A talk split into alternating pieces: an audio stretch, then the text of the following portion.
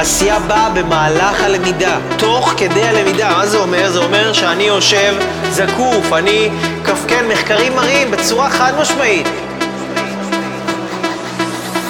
כשאנחנו מערבים את הגוף, מערבים את המערכות שנמצאות בתוך הגוף, ולא רק את האוזניים, אז הידע נכנס לגוף, ואז אנחנו עושים, כי העשייה היא באה מהגוף.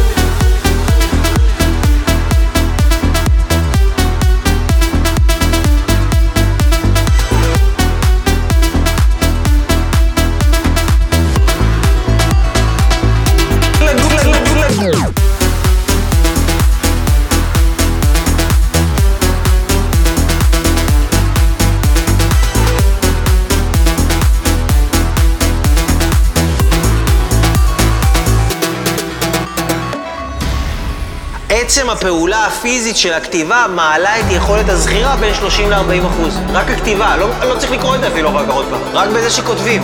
אני הרבה פעמים הולך לסדנה, וכשאני נמצא בסדנה יש לי כאלה כמו רגעים שאני בכלל במין סוג של איזושהי השראה, ואני בכלל עכשיו כותב דברים שהם לא קשורים למה שמדברים איתי, אבל פתאום איזה תובנות שמתגלגלות, דברים שפתאום הלימוד נכנס מכל מיני מקומות. המטרה של הכתיבה זה לא רק לכתוב את מה שאני אמרתי, זה גם לכתוב איפה זה פגש אתכם, מה עלה לכם, איזה תובנות עלו לכם, מה הזכרתם, מה חוויתם עכשיו, איפה זה התחבר לכם. זה, זה לכתוב את הדברים האלה, כל הזמן. אז הכתיבה מעלה את יכולת הזכירה ב-30-40 אחוז.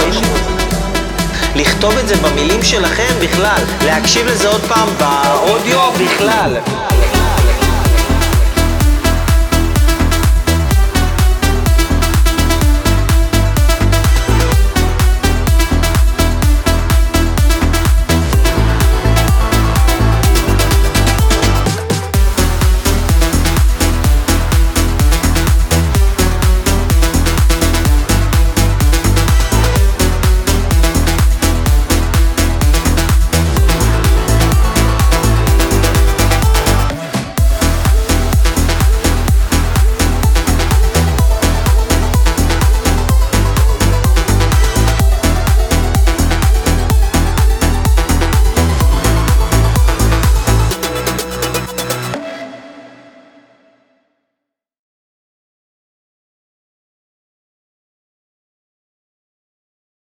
אז אמרנו, כשאני יותר